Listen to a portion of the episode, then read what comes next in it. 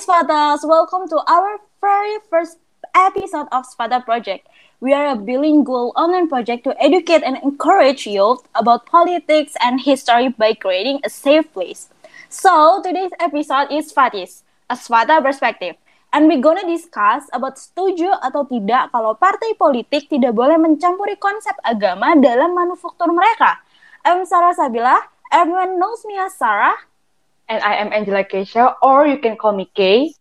Here we go. So, Oke, tadi kan kita udah memperkenalkan sedikit ya tentang Swata Project nih.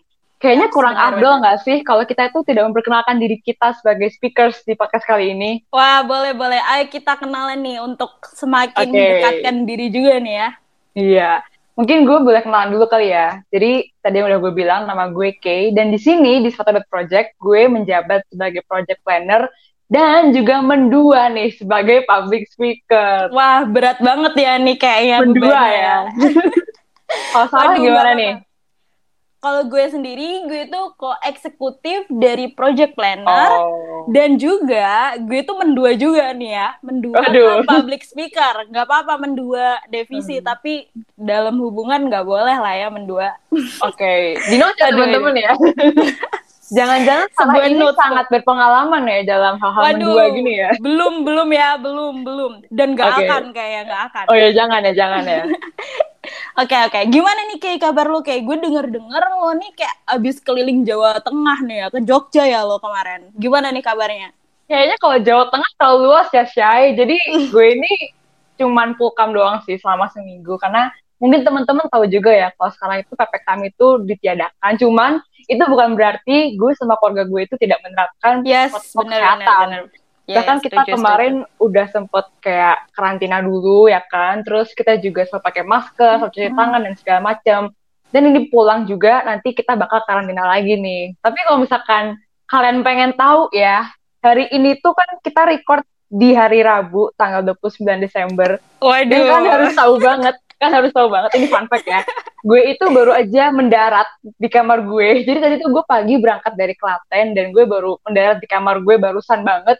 Gue langsung buka laptop dan gue langsung record bareng Sarah di sini. Jadi Yes. kalian tuh harus setia banget denger kita sampai akhir karena pengorbanan kita tuh sangat besar ya. Ya, sudah banget hektik banget ya si kakak kayak ini guys. Betul. Oh my god. Dan Kalau another Sarah gimana nih?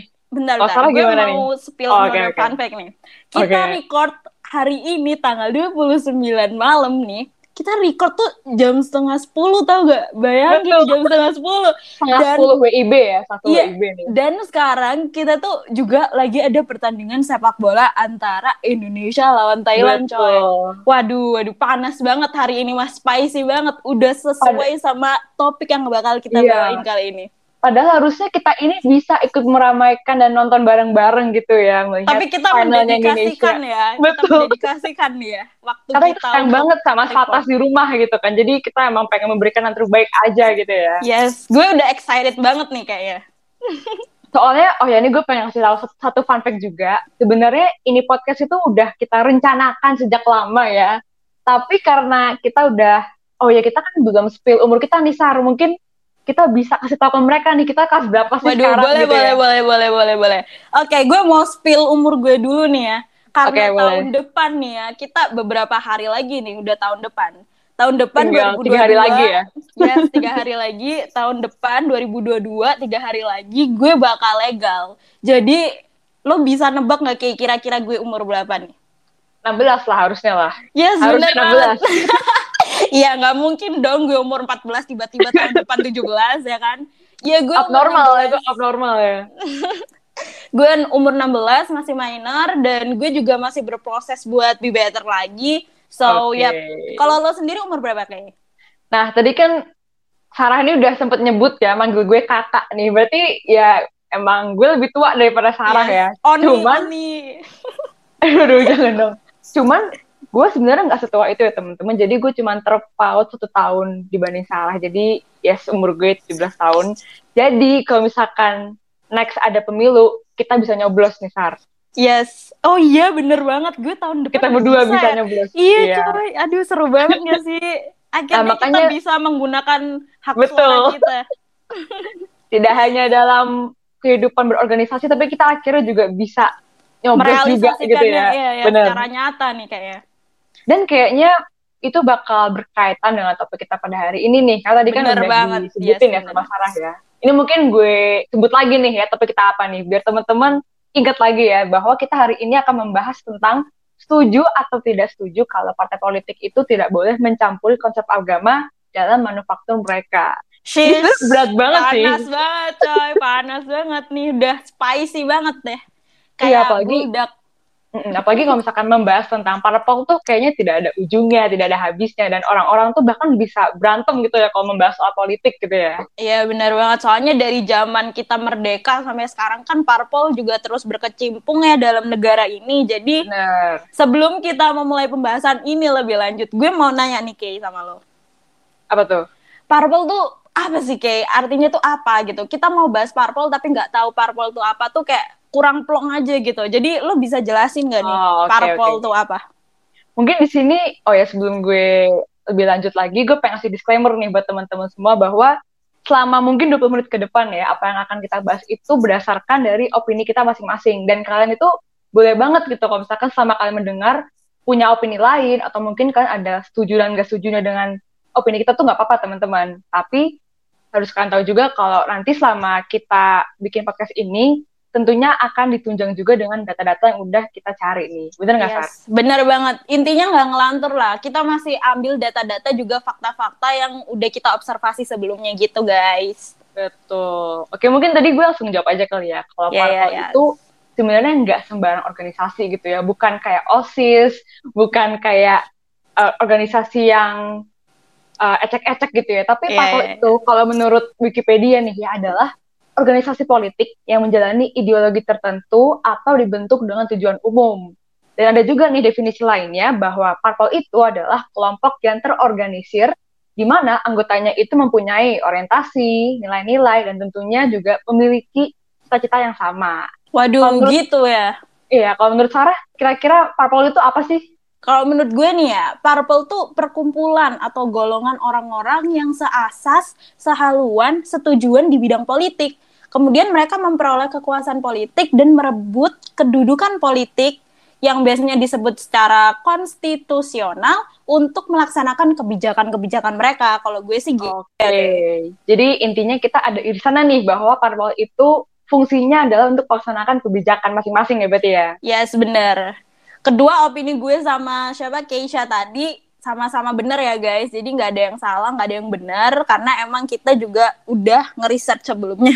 Oke. Mungkin kalau misalkan kalian juga pengen make sure, boleh nih, misalkan kan sambil dengerin gitu kan, sambil belajar juga, langsung buka Wikipedia atau sambil buka Google, langsung cari aja, boleh banget nih. Kita belajar bersama-sama ya teman-teman. Bener banget. Hitung-hitung meningkatkan tingkat literasi nih ya. Betul. Karena Oke, gue oke. baca-baca nih ya, literasi di Indonesia tuh masih rendah banget gitu dibanding negara lain biasanya. Iya. Iya sih, sadly gitu. But kita nggak usah kelamaan di situ. Mari kita next ke Oke. another topik. So, partai politik tuh harusnya gimana sih, Kay? Kalau menurut gue ya, sebenarnya parpol itu kan meskipun punya tujuannya masing-masing, punya cita-cita yang berbeda-beda gitu ya pastinya ya. Mhm. Tapi harusnya itu tetap fokus ke optical politik gitu. Ada right wing, ada left wing. Jadi perbedaan dan goals masing-masing itu jelas gitu. Kayak partai-partai di zaman Orde Lama. Nah, dan juga parpol itu harusnya punya their own identical karakteristik gitu ya. Yang mana dari visi mereka itu bakal terproliferasi gitu ke their own ideas, goals, and also ke sisi yang mereka pilih gitu. Jadinya nanti kalau saat pemilu rakyat itu jelas gitu memilih siapa berdasarkan visi misi mereka. Ah, I see, I see. Setuju sih gue kalau gini mah. Hmm, Oke, I can get it. Oke. Nah kalau misalkan menurut lo sendiri, lo setuju nggak sih kalau parpol itu sebenarnya juga kunci dari keberhasilan sebuah negara gitu?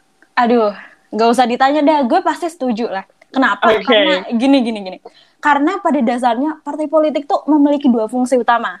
Yaitu Apa yang tuh? pertama sebagai penentu pejabat publik dan sebagai kunci pembuat Oh, kebijakan. oke. Yang artinya representatif parpol yang dipilih dalam pemilihan itu juga bakal nentuin gimana kebijakan di Indonesia bakal berjalan. Dan ini nih apa yang habis gue katain ini tadi berdasarkan dari penelitian politik Lembaga Ilmu Pengetahuan Indonesia Aisyah Putri Budiarti. Gitu guys. Oke, berarti sebenarnya Purple itu juga jadi penentu arah kemajuan sebuah bangsa ya berarti ya? Iya, ini mah kayak pondasi lah katanya tah. Nah, cuman ini ya Sar, kalau menurut gue ada satu hal yang disayangin banget gitu. Kondisi saat ini nih Sar, kalau menurut gue ya, parpol mm-hmm. di Indonesia itu masih belum menunjukkan how distinctive they are atau how special ah, and yeah, why yeah, citizens yeah, yeah. should choose them gitu. Jadi terlalu monoton gitu. Misalkan contohnya nih ya kayak uh, katanya aja itu partainya anak muda, tapi intinya sama-sama aja gitu kayak Iya iya iya ya, benar benar benar. Bahkan setiap pemilu dan debat presiden nih premisnya tuh ya ya udah gitu-gitu aja mirip-mirip. Walaupun beda pun itu cuma beda pada implementasinya aja. Pembangunan lagi memajukan Indonesia lagi ya, mensejahterakan bener. Indonesia lagi subsidi lagi begitu terus. Tapi di lapangan kadang ya ada gonjang ganjingnya dong iya. sesuai sama pemilu kayak Bener. ya gitulah kadang parpol itu kalau yang gue lihat ya kayak janjinya itu supaya terlihat wah menarik nih kayaknya jadi orang-orang tuh pada nyoblos gitu ya. Waduh, bener banget. Aduh, aduh, aduh. Oke, okay, okay. tapi moving on ya. Uh, berdasarkan survei dari LSI pada Januari kemarin tahun 2021, ini terbukti dampaknya dan mereka tuh menemukan bahwa tingkat identifikasi partai itu hanya mencapai 12%. Dan rata-rata tingkat identifikasi partai dalam satu dekade terakhir itu hanya ada di tataran 10 hingga 15 persen aja nih. Gosh, serius? Iya, jadi kalau menurut lo dari statement gue tadi, artinya apa tuh kalau menurut lo? Yang lo, ya, lo tangkap apa? Aduh, gini mah berarti partai-partai yang ada sekarang ya belum mampu buat menarik masyarakat untuk mengidentifikasi dirinya dengan parpol tersebut nggak sih? Rakyat jadi nggak bisa relate ke parpol, nggak ada relasi untuk memiliki visi dan misi yang sama kalau kayak gitu mah. Jadi kayak parpol itu juga personal brandingnya jadi luntur gitu ya berarti ya? Iya benar banget, benar banget and actually kayak the only thing that they can relate to is religion because karena kan kita kan capek gitu ya kayak mendengarkan premis yang sama yeah, berkali-kali oh gitu ya. Yes, period, Padahal penentuan parpol tuh penting banget gitu kan. Karena tadi yang udah lo sebutin juga bahwa ini representatif dari yang kita pilih itu akan menentukan masa depan bangsa kita khususnya gitu kan mm -hmm. dari cara mereka membuat peraturan, kebijakan, mm -hmm. terus menentukan siapa aja yang bakal duduk di jabatan kursi yang udah jabatan dapat yes, yes, iya yes. dan bagaimana cara mereka tuh bisa mewadahi permintaan rakyat gitu ya benar banget aduh kayak sadly gitu gak sih kita dengernya aduh gimana ya Padahal kita nyampein, tapi kita juga sendiri yang miris ya dengernya. Iya ya, kayak waduh kayaknya kita perlu inovasi-inovasi baru nih untuk menjunjung parpol ini ya. Nah mungkin nanti kalau misalkan ada salah satu politikus yang mendengar ini nama Salsabila ini bisa nih ditarik jadi DPR. Waduh, oke okay, oke, okay. gue siap nih, gue siap untuk membagikan okay, ya, opini ya, gue. Oke oke, okay, okay. kita next topik ya. Jadi uh, terus apa sih kayak hubungan statement yang udah kita bahas tadi sama identitas agama karena yang tadi kita mention berkali-kali bahwa kita hari ini juga bakal ngebahas tentang agama saat parpol nih. Jadi gimana nih Kay? Oke, ini menarik banget sih karena again dari website yang sama ya dari LSI atau Lembaga Survei Indonesia, mm-hmm. yeah, Pak okay. Jayadi Hanan itu sebagai direktur eksekutifnya LSI itu mengatakan bahwa parpol itu sebenarnya memiliki masalah terkait demokrasi di internal partai, di mana kondisi ini cenderung menciptakan adanya personalisasi ah, ataupun gitu. oligarki dalam partai. Nah, tapi menariknya ya Sar, ngomongin yeah. tentang personal branding itu sendiri, definisi personalisasi itu kan sebenarnya bisa kita bisa kita sebut juga dengan branding tadi gue udah gue bilang yes, ya. Yes, yes, yes. Jadi kayak bisa memberikan personal uh, penilaian terhadap suatu partai gitu. Loh, tapi kan tadi kita udah bahas kalau dikasih data kalau upaya personalisasi ini gagal gitu loh. Berarti bagus dong kalau parpol itu mau nyiptain personalisasi. Nah, ini sebenarnya semua orang bisa punya opini yang berbeda ya. Cuma kalau menurut gue untuk merespon pertanyaan lo itu kita bisa nih bahas lebih dalam dulu personalisasi yang dimaksud tuh apa gitu. Jadi yang menyebabkan upaya branding parpol Indonesia gagal dan jadinya nggak distintif itu karena mereka cuma punya tanda kutip agama gitu ya sebagai identitas mm -hmm. mereka. Jadi kayak ah. sebagai tameng ya gitu. Nah, dan ketika parpol itu sudah memasukkan unsur-unsur agama dalam kampanye, sedangkan visi misi dan program itu mirip, ini akan berdampak langsung ke rakyat gitu karena mereka udah ibaratnya bawa-bawa nama agama gitu. Sedangkan kan agama di Indonesia tuh banyak ya jadi susah gitu sih kalau menurut gue Ah, gere. Jadi, oke okay, oke okay, oke. Okay. Kita coba untuk cosplay jadi masyarakat ya. Oke, okay, boleh boleh. Jadi yang kita hadapkan sama siswa sama situasi itu ya. Aduh, sorry nih gue kayaknya nervous banget nih kayaknya. Sepertinya Kak Sarah ini butuh minum dulu nih, boleh nih Kak. Waduh. Kan, aduh. boleh nih, boleh nih. Kurang titit, aduh, gue kurang cairan nih. Oke, oke, lanjut. Ini tuh sama aja kayak rakyat disuruh pilih mau mewarnai pakai salah satu dari dua spidol dengan warna dan merek sama. Bedanya cuma ya di berat isi tintanya aja. Yang satu seret, oh. yang satu masih full layaknya spidol baru. Karena kita mau yang terbaik buat gambar kita, pasti kita pilih tintanya yang banyak dong. Nah, tapi ini menarik juga lah analogi yang dipakai Sarah ya. Dan menurut gue juga, berat isi tinta itu ibaratnya kayak kesolehan calon pemerintah yang dihakimi para rakyat itu sebenarnya ah, oh my God, ya, ya sama-sama manusia sih. gitu kan. Dan ketika kita seharusnya menilai calon pemerintah dari kualitas visi misi dan program mereka serta pengalaman lah ya dari parpol sebelumnya, jadinya malah diganti gitu dengan menimbang mana nih yang lebih soleh, mana nih yang lebih agamis gitu ya. Jadi di situlah sepertinya letak branding yang terlihat salah sih. Yes, benar banget sih. Iya, iya, setuju, setuju. Dan dari sini juga muncul oke, okay, namanya dampak-dampak negatif dari branding agama itu sendiri. Iya, betul banget. Lo mau tau gak sih apa aja tuh? Mungkin lo bisa kasih tahu contohnya nih. Oke, okay, oke. Okay. Gue kasih tahu ya dampak negatif dari branding agama. Ini tuh kayak ada ketika oknum pemerintah ngelakuin kesalahan kayak korupsi, kolusi, you name it, dan kita mau negur mereka, tapi kita tuh cuma bakal dapat respon dari agama mereka tersebut juga. Oh, Jadi ya iya, iya. intinya kayak, misalnya, kayak circle gitulah, kayak hmm. muter lagi, muter lagi, muter lagi gitu deh. Oke, okay. karena waktu itu gue juga pernah baca berita ya kayak sebenarnya ada salah satu orang dalam pemerintahan ini harusnya dia itu dipenjara atau bahkan dikenai mm-hmm. sanksi gitu ya. Cuman dia Waduh. saat diwawancara itu dia beralasan kayak maaf ya saya kilaf dan saya juga punya anak istri di rumah yang harus dinafkahi gitu. Ini Parah, Sedangkan, parah.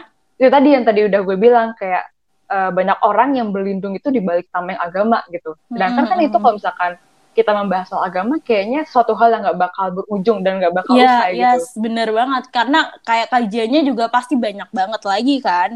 Iya bener. Dari nah, sinilah kayak oligarki itu tuh? muncul. Hmm. Nah, term oligarki itu bisa diubah kok kalau takut terlalu ofensif. Oke. Okay. Gimana tuh?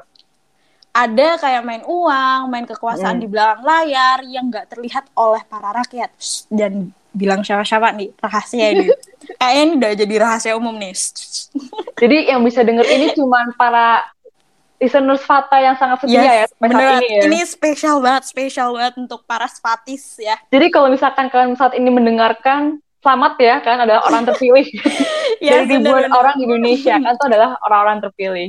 Ya yeah, ya, yeah. oke okay, back to topic yang tadi udah gue bilang, hal ini tuh yaitu minimnya transparta. Transparansi berdampak lagi ke rakyat, yaitu lemahnya hubungan antara parpol sama rakyat Salah ya, satu betul. indikator lemahnya hubungan antara partai politik dengan masyarakat itu tuh rendahnya tingkat identifikasi partai, oh, yakni iya, iya. 12% pada Januari 2021 berdasarkan survei LSI, lagi-lagi LSI ya guys, dengan usaha partai-partai yang pingin mengeratkan hubungan rakyat dengan mereka pakai agama. Tapi tuh ini semua tuh cuma short term gitu loh nggak ada long iya, termnya, ya, nggak ada benefitnya untuk jangka waktu lebih panjang gitu. Settlingnya tuh gitu.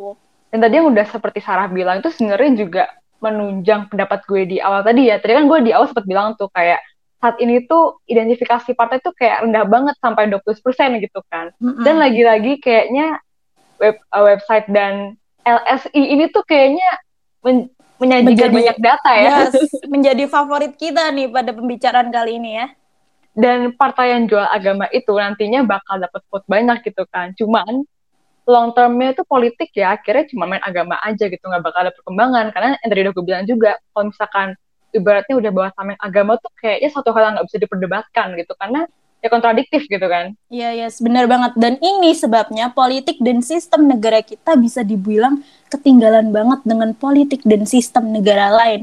Ini hmm. nih, krisisnya kita nih kayak gini selain krisis identitas nih kita juga krisis apa nih politik nih juga ya edukasi iya. juga ya banyak banget nih ketinggalannya kita harus bisa ngebut nih dan juga ya mayoritas dari kita rakyat maksudnya somehow to overwhelm with religion that mau-mau aja lagi kemakan kata-kata manis.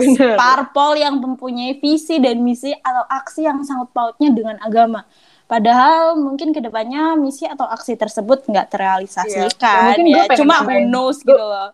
Iya benar. Dan gue pengen nambahin nih meskipun sebenarnya dari dulu tuh kalau menurut gue sebenarnya rakyat tuh kan juga pinter ya. Maksudnya mereka juga pasti hafal gitu kan Pastilah, kayak iya. dari dulu siklusnya tuh gini gitu. Cuman tetap aja gitu banyak orang yang masih ke drive gitu ya, tersetir atau ke brainwash ya gue nggak tahu dan masih termakan juga gitu loh. Sayang banget sih. Kalau menurut gue sih itu karena yang tersajikan hanya ada itu, makanya mau Ah, nggak mau ya yes. memilih itu. Bener nggak sih? Bener-bener. Jadi mau nggak mau kayak, oh ya udahlah, apa-apa gitu. Yes, bener banget. Karena itulah tiap mau ada pemilu, tinggal bilang aja mereka religius. Jadinya ya mereka bakal ngebantu Ya. rakyat kecil dan anti korupsi karena terpaku pada agamanya. Hmm. Kayak gitulah, kayak gimana ya? Kurang Iya lebih sih. general nggak sih? Kurang lebih Hmm. meluas gitu. Ya apalagi ini bagus. Sar, apalagi ini ditambah dengan kita kan mayoritas masyarakatnya itu menganut uh, agama yang religius banget tuh ada gitu ya. Jadi Mm-mm, automatically pasti. kayak- oh possibility dari parpol bakal didukung dan dipilih sama rakyat itu pasti banyak gitu. Ya, oke, setuju. Tapi dengan ngebawa premis agama, masyarakat tuh jadi nggak punya pegangan pasti. Jadi kayak where we can trust their premise or not. Gak ada jaminan juga kalau ternyata mereka ngelakuin korupsi dan betul. segala macemnya. Ya, tapi itulah yang namanya kampanye janji manis doang. Yes. tapi seenggaknya kalau kampanye nggak ada ikut campur agama, it will be easier to short all logical arguments di premise dan argumentasinya mereka gitu loh. Tahu nggak sih maksudnya? Jadi janji manis itu tidak hanya ada dalam sebuah hubungan ya, bahkan parpol itu juga ada gitu ya. iya, di kehidupan sehari-hari nih ternyata kita udah memakan janji-janji manis nih ya. Iya, jadi kalau menurut gue dari kitanya aja sih, bahkan sejak dini gitu ya, khususnya untuk kaum muda yang nantinya akan mencoblos, kita harus sudah mulai melek parpol dan pinter gitu memilih siapa berdasarkan kebutuhan negara kita. Jadi tidak hanya asal karena, oh dia lebih religius nih, berarti baik dong harusnya gitu. Ya, setuju kakak. Nah, tapi nih Sar, uh, buat teman-teman yang mau pro, tinggal bilang aja kalau ini tuh sebenarnya cuma simplification and an attempt to shift the real systematic problem ya. Kayak, Mm-mm. yes, the involvement of religion takes part of the government's lip service, but we need to take look at the bigger picture gitu. Kayak, ini tuh masalah struktural ya kan? Yes, masalah yes, prinsip yes. And deeply rooted matter of how politics is looked upon as a place untuk menyalurkan kemauan orang-orang gitu. Jadi Ya. ibaratnya kayak kemauan rakyat itu terwadahi gitu loh. Yes, bener. Jadi dibanding ngelarang mereka buat bawa agama, mending try to ngerombak sistematika lapangan politik itu sendiri. Bring back the original purpose of government, which is to listen and care their citizen. Betul banget. Jadi kita harus meskipun mau improvisasi dalam kerja ya, tapi kita harus tetap juga inget akarnya itu bahwa Iya, ya sebenarnya di sini kan untuk apa ya merangkul dan mendengarkan rakyat Yes, gitu ya. Yes, bener banget, bener banget. Tapi kalau masalah stance, distinction, or hal-hal yang lain gitu ya, itu sebenarnya bisa dikesampingkan karena sekarang Indonesia itu lagi-lagi sedang darurat oligarki dan main belakang. waduh, Iya, bener. Dan the lacking of the government's transparency on how they work. Misalnya kayak mengesahkan suatu undang-undang.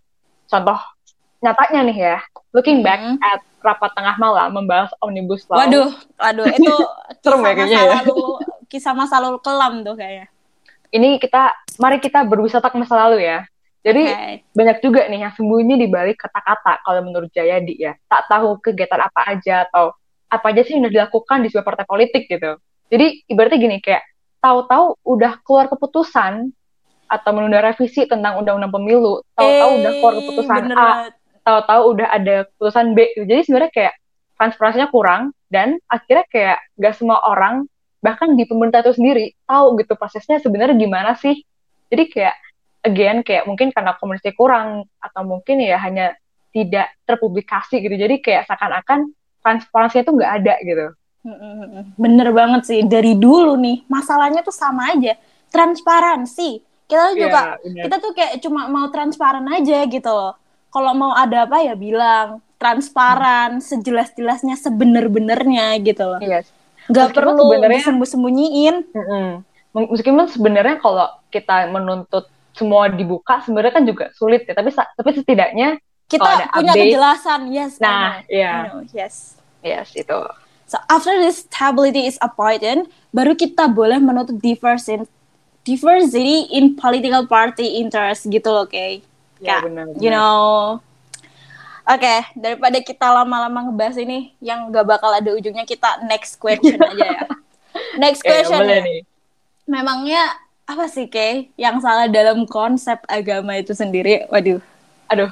Waduh. Kayaknya serem banget ya kalau udah membahas soal agama gitu. Yes. sebenarnya kan meskipun ini hal yang suci dan ya harus dijunjung juga gitu ya. Bagaimanapun hmm, juga. Tapi pastinya. Sebenarnya there's actually nothing wrong with konsep agama. But it's just the way it is placed into everything at a place it should not intervene gitu. Jadi kayak politics dan agama itu kan dua hal yang completely contrasting aspects. And actually menurut gue dua hal itu tuh should not be combined. Jadi kayak politik ya politik, agama ya agama gitu, jangan yes, disatuin. Yes, karena nggak bakal nah, ada habisnya gitu. Bener, bener banget. Ya, ya, ya. Dan kalau misalkan when it comes to politics, menurut gue nggak perlu untuk membawa atau melihat agama, karena sesungguhnya setiap rakyat itu deserves the same pemenuhan hak dan kewajiban, ya nggak sih? Iya, bener banget, bener banget. Kita kan dan, juga punya hak untuk bersuara loh. Betul, dan untuk sisi politik juga, semua politikus itu ya juga deserves their own chance untuk berpartisipasi in the election gitu loh. Cuman, yes, bener banget. Uh -uh. Cuman kalau misalkan menurut lo gimana nih?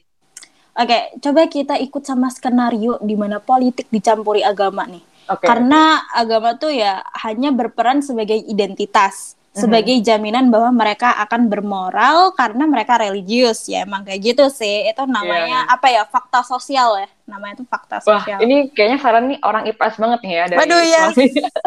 dari bahasanya. IPS, yes. Nah, cuman ini sih ya, satu dari yang udah kejadian aja nih ya, sama-sama aja nggak sih kayak yang religius sama yang enggak gitu. Dan dua, kita nggak akan membubarkan parpol agamis kayak misalnya PPP dan lain-lain gitu yang mungkin banyak mm -hmm. tapi gue nggak tahu uh, tahu ah, semuanya. Yeah, yeah, yeah, Jadi okay. kayak kita tetap we will let it exist gitu. Tapi actually it would be better to have clear distinction gitu kayak mana nih parpol yang fokus ke perkembangan negara ya kan mana nih parpol yang fokus kepada agama jadi kayak again yang tadi gue bilang kayak parpol dan agama itu dibedakan gitu jadi jangan tercampur dan teraduk-aduk gitu dan seakan-akan mm -hmm. kayak lo ujung-ujungnya berlindung di balik tameng agama gitu. Waduh, itu nggak bakal ada ujungnya gitu loh. Iya iya bener banget. So let public decide the game lah ya. Yes, yeah. Karena ya mau gimana pun agama itu identitas dalam parpol dan ini tuh berperan hmm. besar dalam penentuan yeah, kebijakan bener -bener. bahkan sampai ke sistem pemerintahan loh kayak. Iya sih. As we know gitu kan ya, ada negara Islam, pemerintahan gereja, hmm. and lain-lain banyak banget. So, do we want to see from Pancasila into religious form? Enggak kan? So, yeah, let the public see the difference clearly and decide. Yes. We're not Betul. saying that bentuk pemerintahan agamis itu buruk atau jelek atau jahat. No, we don't say that. Cuma, yang what I want is to make it easier to identify and analyze which purpose interested me more. Udah, iya, period. Yeah, kayak, Jadi period, kayak, gitu. Tapi menurut gue ya, kayak sebesar-besarnya parpol itu menjanjikan hal yang manis tapi kembali lagi ujung-ujungnya itu rakyat yang menentukan. Jadi memang di sini tuh emang harus rakyatnya yang pinter nggak sih untuk dalam memilih iya, gitu? bener. Ya ujung-ujungnya edukasi lagi. Bener. harus nih edukasi seperti, tuh pokoknya harus saat ini nih yang kita lakuin ya kan? Waduh, saat ini nih. waduh bener. Tapi kita nih kayaknya lebih ke sharing sharing discuss lah ya. Nih para iya. pendengar yeah. nih juga boleh nih untuk mengutarakan pendapatnya. Bisa langsung cek Instagram svata.project dan DM tuh ya. Utarakan apa namanya tuh kayak opini langsung promosi kalian. ya masuk ya waduh mantep dong kita harus mencari kesempatan dalam kesempitan waduh waduh waduh okay. jadi kan harus pantangin terus ya oke okay. lanjut okay. aja lanjut lanjut lanjut lanjut okay. cuman oh ya kemarin gue sempat baca juga nih misalnya ada gue ambil contoh kasus ya jadi hmm. in my opinion kayak agama itu juga bisa menjadi pembatas sebenarnya dalam rakyat untuk memberikan respon kayak ibaratnya kayak pengatur sosial kali ya bahasanya ya. Iya iya iya ya, Karena boleh sih boleh. Selain kebungkaman pendapat di Indonesia ini menjadi power contrast, menurut gue branding agama itu juga jadi salah satu penyebabnya. Karena ketika ingin memberikan feedback atau kritik ke pemerintah gitu ya, selain dengan respon yang berbelit-belit yang tadi gue bilang kayak ya saya kilaf, mohon maaf, saya juga manusia yang Mm-mm, klise oke. ya, klise gitu ya. Sebenarnya Yes. ada juga gitu isu-isu penting yang nggak terbahas karena dianggap menentang nilai keagamaan. Contohnya, benar. kayaknya semua orang tahu sih, ini yang akhir-akhir ini sampai detik ini tuh kayaknya RUU-nya tuh nggak disahkan dan, dan masih banyak diperbincangkan, padahal sangat urgent gitu loh. Iya, iya benar tuh? banget. Apa tuh? Lo bisa Aduh, aduh. Aduh, Kayaknya gue nggak mau nyebut deh. Ini kayaknya Kayak terlalu. tahu sih. Semua orang tahu sih kayaknya sih. Karena ini bener-bener urgent banget, tapi kok ya nggak disahkan gitu. Ya udah, kayaknya semua orang tahu lah ya. Kalian Apa bisa tuh? mikir sendiri. Aduh, gue nggak mau nyebut nih ya. Aduh, takut nih. Tiba-tiba ada kang bakso lewat rumah gue nih. Bahaya Tiba-tiba- banget. Tiba-tiba ada tukang sate ketok rumah ya kan. Oke, oke, tapi tetap gue bahas karena ya udahlah ya. Emang Mau urgent sih. lagi? Iya. Ini tuh kayak udah menjadi rahasia umum. Oke, gue sebutin nih contoh-contohnya ya. Oke. Tuh? RUU PKS. Nah, ya. itu tuh yang gue maksud tadi. Terus ada Permen PPKS yang Mm-mm. kemarin habis ditekan Pak Nadim. Tahu kan lo? Yang Iya, kayak padahal ya itu padahal kayak buat lingkungan perkuliahan khususnya gitu ya, dan of lingkungan course need sekolah yang like, harusnya yes, yes, iya, yang harusnya itu kan jadi safe place buat anak-anak gitu kan. yes. Tapi kok ya masih banyak aja gitu pelaku-pelaku yang kok yang minta dipenjara gitu ya kayaknya. Waduh, waduh, waduh. Berat banget ya, share. Okay, so it's such an honor to have a powerful people like Pak Nadim to fight for controversial Yes. benefiting politics like Permen PPKS kemarin kan. But even after the policy ditekan pun, masih ada kalangan pemerintah atau bagian dari parpol yang menggerakkan opini publik untuk oppose policy Nah, seperti Permen iya. PPKS ini. Gitu, Oh my kayak, god, I don't know how to say it, but it's so Yes. sad. kayak gue kadang kalau misalkan suka kepikiran kayak ini kan padahal sangat jelas-jelas dibutuhkan tapi kok ya masih ada aja pihak-pihak yang menentang atau bahkan kayak malah membahas uh, hal-hal lain kayak karena dianggap menentang nilai keagamaan gitu kan. Iya, Tapi-. Tapi ya Sar kayak lu bayangin aja nih dengan bantuan orang berkuasa dari pemerintahannya aja itu digituin berarti kayak Pak Nadiem kan punya apa ya kewenangan kali ya bisa dibilang ya kayak kewenangan atau Mm-mm. punya kekuasaan itu aja masih digituin apalagi kalau kita cuma rakyat biasa ya kan cuma orang awam itu berjuang sendiri Iya kayak sih, benar kita banget. kayak kita tuh cuma bisa menyalurkan opini ya misalkan lewat podcast ini atau Mm-mm. mungkin lewat sosial media gitu Yes, yes.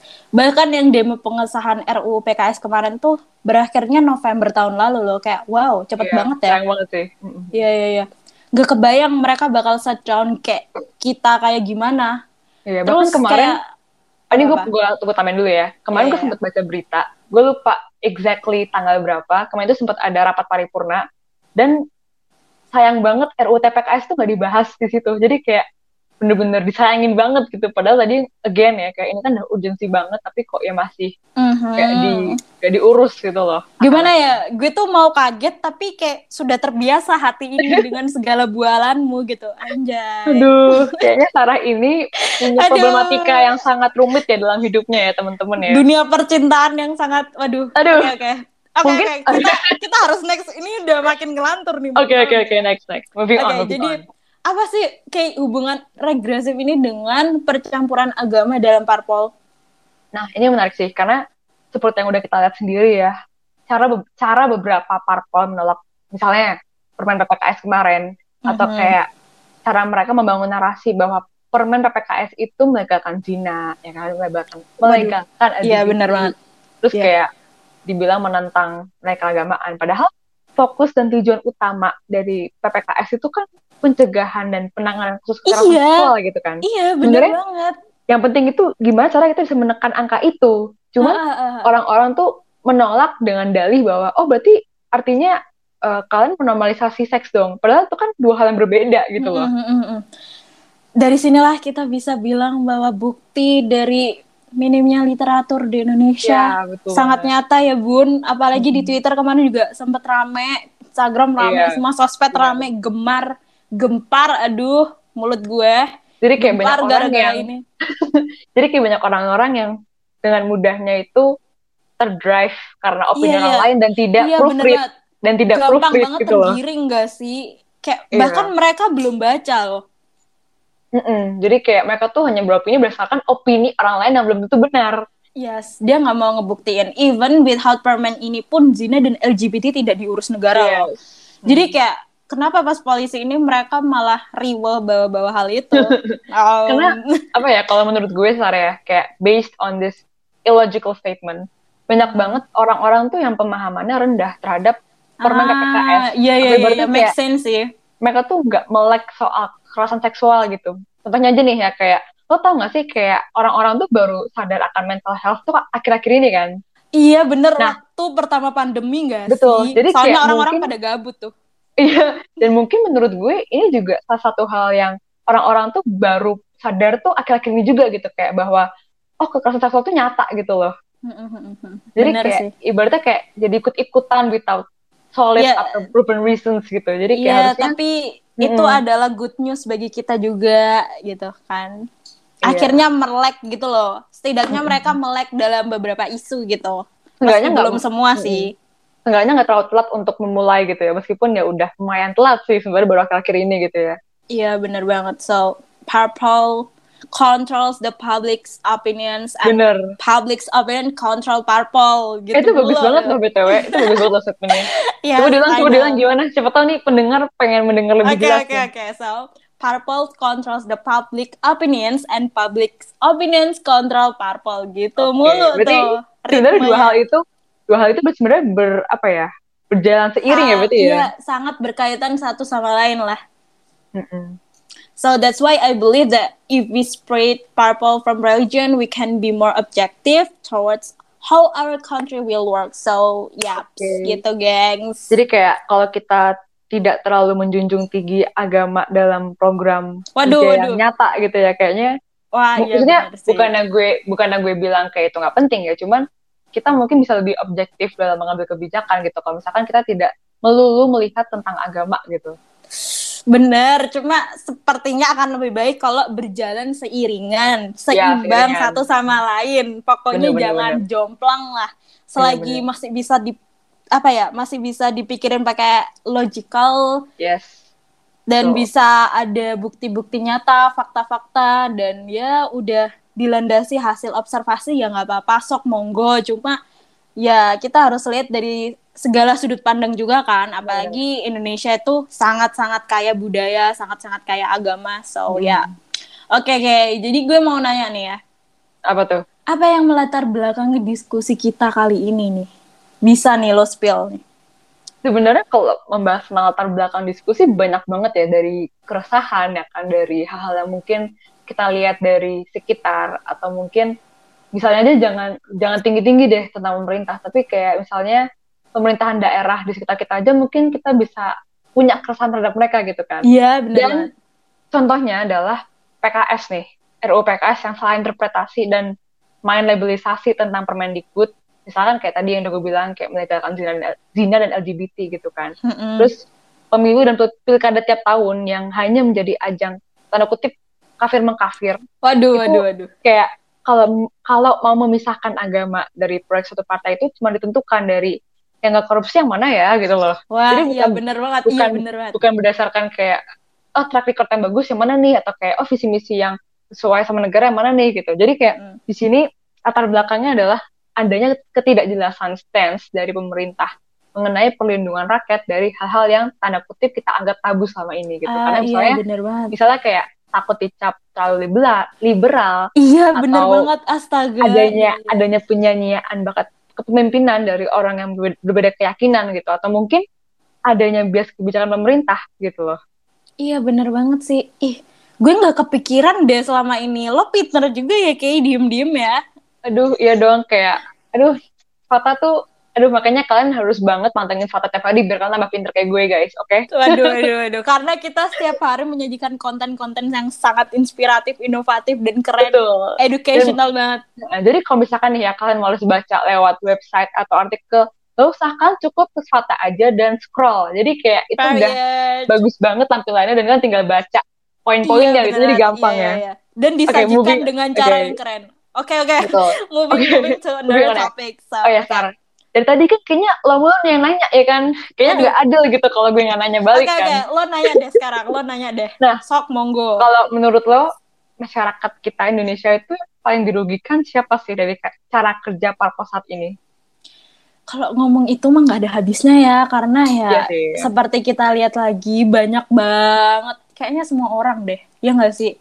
Tapi nih ya, ada nih beberapa oknum, beberapa orang maksudnya yang dirugikan secara benar-benar merugi. Kayak pertama siapa orang-orang yang pengen diversity dari proker parpol-parpol di luar sana. Ah, iya iya. benar. Terus orang-orang yang political interest-nya belum terwakilkan dengan baik seperti Comartes, Socialism, Liberals dan lain-lain kayak banyak banget tuh. Oke. Terus yang ketiga ada marginalized community. Let's be real, campur tangan agama dalam politik ini kan mempengaruhi penetapan kebijakan dan aturan pemerintahan kan Iya ya. benar benar. Mm. Jadi kayak menurut lo pemerintahan udah fair gak sih ke orang-orang yang agamanya bukan Islam, Iya. sorry. Karena Kayak ya misalnya kan ma- kemarin- mayoritasnya kita kan Iya Islam benar. kan. Kayak misalkan kemarin kalau gue sempat baca ya, kayaknya sempat ada apa ya kayak rencana tentang kebijakan penghapusan libur Oh iya Nataru iya, gitu. libur Nataru kemarin kan ya Mm. rame banget. Jadi kayak kemarin pas gue baca kayak, waduh kenapa ya kenapa ya padahal setahu Iya, gue iya, benar. libur kayak eh, Lebaran kemarin kan cukup lama tuh ya kalau nggak salah ya. Cuman again ya kalau kita bahas tentang agama kayaknya nggak bakal berujung jadi kayak oke lanjut aja nih kayak Iya, iya, tapi gue mau nambahin sedikit nih. Kebijakan penghapusan libur Nataru itu juga bukan cuma bergantung atau berhubungan sama agama juga nih, tapi bergantung dan berhubung berhubungan juga sama siswa-siswa loh. Karena Ah, kan iya. bayangin kita dari semester Stres. 1 lanjut semester 2 nggak ada istirahat, nggak ada liburan, kayak dude, are you Hmm. Iya, serious? betul. Makanya teman-teman kemarin gue habis dari pulang habis dari kampung ya. Ini Habis gue baru pulang nih. Aduh, iya. Habis refreshing langsung rodi lagi nih. kerja rodi bagi kuda ya bun. Betul. Oh ya mungkin tadi kan lo udah nyampein pendapat lo ya. Mungkin gue boleh nih nyampein Oh, pendapat iya, gue boleh, satu boleh. ya. Sok sok sok ini sangat terbuka untuk semua opini nih. Apa nih Oke. opini? Jadi menurut gue satu pihak lagi yang dirugikan juga adalah rakyat yang punya agama berbeda dari, dari mayoritas. Jadi kayak ibaratnya rakyat-rakyat yang apa ya, yang minoritas sih berarti ya. Karena Hmm, minoritas. Sekarang kan kebanyakan tadi udah Sarah sempat singgung juga bahwa parpol tuh banyak banget yang based untuk base-nya tuh ke agama mayoritas. Sebut aja ya agama Islam gitu kan. Ya. And sometimes mereka bisa aja keluarin statements di kampanye yang mereka tuh gak sejalan. Baik adil untuk agama lain yang further itu bisa menjadi penggiringan opini yang ya kan tau lah ya gitu ya saat Ya, ini ya, terjadi ya. yes. I So know, I know. as people with majority religion itu listen ke mereka ini without sufficient knowledge, mereka bisa-bisa aja gitu kayak agree ya with the statement ya ya ya and ya, thus ya. have- having the same unpleasant perspective. Kalau menurut gue gitu sih. Iya, jadinya nggak ada kayak pure opini tuh kayak nggak ada gitu nggak sih? Ini Nah, tuh iya. semua tuh giring-giringan kayak main bola hari ini tuh giring-giringan sampai Aduh, aduh aduh aduh aduh. kayaknya abis ini kita langsung nonton bola nih abis ini ya. Udah kelar bro, udah jam Oh, berapa selesai. Iya kayaknya udah kelar ya. Oh, oke oke. Nah jadi eh, yang tadi udah Sarah singgung juga kayak emang paling bener sih kalau menurut gue dari rakyatnya yang harus pintar memilih dan memilah dan Iya. menilai. Dan pemerintah pemerintahnya gimana juga harus agresif memberikan edukasi biar Yes. kita punya pegangan gitu loh. gitu. Iya. Tapi teman-teman kayaknya nih kan udah hampir 45 menit ya kan mendengarkan. Lama Dan- banget ya, Bu. Bener banget. Dan mungkin untuk menutup topik pada hari ini kita bisa eh, kasih pesan nih untuk parpol selanjutnya nih. Kira-kira lo ada harapan gak sih kayak eh, semoga ke depannya parpol tuh kayak gimana gitu-gitu Sar? Ada nggak? Setelah pembahasan kali ini, gue hanya bisa menghela nafas dan berkata, waduh, waduh, dan berkata apa ya? Gue juga bingung kayak karena kayak seperti yang udah kita tahu banyak banget orang-orang yang sudah memperjuangkan, tetapi Oke. lagi-lagi ya gitu mulu hasilnya lo tahu kan maksud Mhm. gue kayak gimana. Yes. Cuma kita nggak boleh putus harapan lah ya, kita harus tetap semangat, semangat. Betul, banget. semangat. Dan menurut gue gue harap parpol ke depannya lebih terbuka. Kayak lebih meluas aja Transparan lebih ya? general lebih yes, Yes. lebih transparan. Habis itu lebih objektif juga. Dan semoga lebih mendengarkan para Itu penting. Bener. korban-korban korban-korban kese- kekerasan seksual karena sekarang lagi banyak banget lagi Lagi marak, marak banget. banget. Mm. itu udah kayak Apalagi- menjamur iya. banget di sosial media tuh tiap hari ada aja gitu yang Iya, keluar, tiap hari muncul. ada kayak set banget gitu loh dan penanganannya tuh nggak nggak Iya. apa ya nggak cepet gitu loh nggak tak tak tak tak gitu loh kita harus nunggu berapa dipersulit bulan ya bahkan dipersulit ya iya dipersulit bahkan sampai korban-korbannya tuh sampai putus asa dan mereka mulai apa ya mencabut gugatannya gitu loh kayak ya udahlah nggak Iya. jadi karena emang kurang Kelamaan. agresif iya Yes. pemerintah kurang agresif gitu deh kalau lo sendiri gimana nih Kay? Kalau gue kurang lebih sama intinya ya. Jadi kayak gue berharap ke depannya itu kebijakan ataupun program yang ada di Indonesia itu tidak hanya untuk memenuhi keinginan rakyat, tapi juga memenuhi kebutuhan. Jadi kayak kadang kan orang kalau ngomongin tentang keinginan banyak banget ya kayak eh kita perlu nih undang-undang ini, kita perlu nih undang-undang ini, kayaknya nggak bakal kelar gitu kan. Cuman kita harus lihat lagi nih kayak apa sih yang kita dibutuhin sekarang, apa sih yang lagi urgensi banget itu. Misalnya Yes, kayak bener tadi tentang penghapusan kekerasan seksual gitu kan. Itu kayak Hmm. penting banget gitu. Jadi menurut gue ke depannya semoga parpol ataupun pemerintahan kita itu bisa lebih menyelesaikan hal-hal yang sebenarnya tuh kita butuhkan banget gitu. Mhm. Itu sih kalau gue sih. Berarti intinya teh dilihat jadi skala prioritasnya dulu lah ya. Iya benar. Mm-mm. Oke guys, so karena kita udah benar-benar di ujung banget nih, di ujung tanduk nih. Gue mau ngasih sedikit spoiler for our Apa next tuh? episode yang bakal dibawain sama tebak siapa, tebak siapa. Mungkin gue sebut aja kali ya biar mereka tuh oke. penasaran dan excited Oke, ya. boleh, boleh. Jadi, siapa nih? Public speakers di Sata itu nggak cuma kita berdua, tapi Yes. ada dua teman lainnya nih. Yes. Sebut saja, sebut saja inisialnya Faiza dan Alivia. Waduh, itu kayaknya bukan inisial lagi. Udah nama ya, itu asli. nama ya. Nanti Dan- kalian bakal kenalan lebih lanjut nih. Iya, jadi kan harus pantengin terus podcast kita di Spotify dan Anchor dan kalian juga harus banget follow dan pantengin postingan Spata Project setiap hari karena bakal banyak konten yang menarik setiap harinya nih. Oke. Balik lagi ke pembahasan next episode nih ya. Kita besok bakal ngebahas tentang sesuatu yang nggak kalah menarik nih. Kita bakal bahas tentang do school these days need to educate student further on political values and manners. Oke, maksudnya gimana tuh kayaknya bahasanya berat banget tuh kak. Tentang of apa sih? course, ini berat banget nih, seberat beban hidup. Waduh, waduh, waduh. Aduh, aduh, aduh, Kepo aduh. kan lo, lo udah kepo kan, Kay? Ya sih gue kepo banget sih kayak dari judulnya itu menarik banget dan Yes, sangat I know, I know. Gue Hmm. baca juga, aduh, ini parah. Ini Berat ya, keren berat banget. Iya, iya, yes. So, makanya guys, stay tune ya buat our next episode. Jangan lupa nyalakan li- lonceng biar ada notifikasinya kalau kita update gitu. Betul, jadi kan harus banget again follow dan pantengin tiap hari karena pasti bakal banyak surprise yang muncul nih karena kan Of course. New Year kan kayak New Year New Us gitu kan jadi kayak Yes, bener banget. kita Iya, iya, kita iya. melakukan banyak banget inovasi gitu loh di Svata ini Mm-mm. loh. Iya, bener banget. Tapi juga, Sar, apa-apa? kenapa kenapa tadi lo dulu deh, sorry sorry. Nggak sih, lo tadi kan nyinggung beberapa kata-kata tahun baru. Gue cuma mau bilang aja, semoga tahun baru ini kita bisa menjadi eh, site yang lebih baik dari diri kita. Amin. Semoga Bener kita banget. bisa meraih kita impikan, apalagi buat teman-teman kita, terutama Kay, biar bisa terutama teman-teman kelas 12 ya, listeners kita kelas 12 maksudnya, ya, ya. dapat PTN atau mungkin Amin. kampus impian kalian di tahun Amin.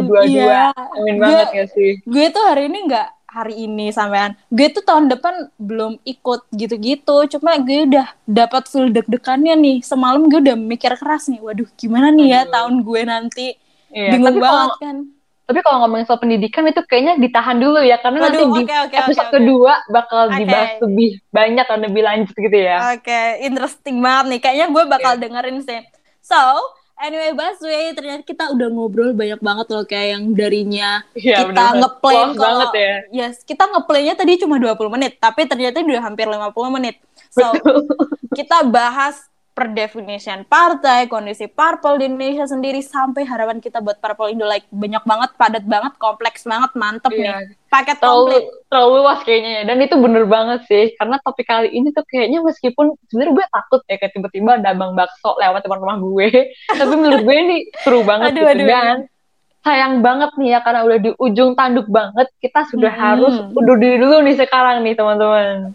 Okay, so thank you for listening our first podcast of Spatis. I hope you guys can enjoy the discussion and give a new perspective. Don't forget to share our podcast and follow social media spata.project ya. I'm Sarah and I'm Kay Thank, Thank you and see you, See in, you the next opportunity. Buka, Buka mata, mata, Rangkai Suara. Bye Thank guys. you.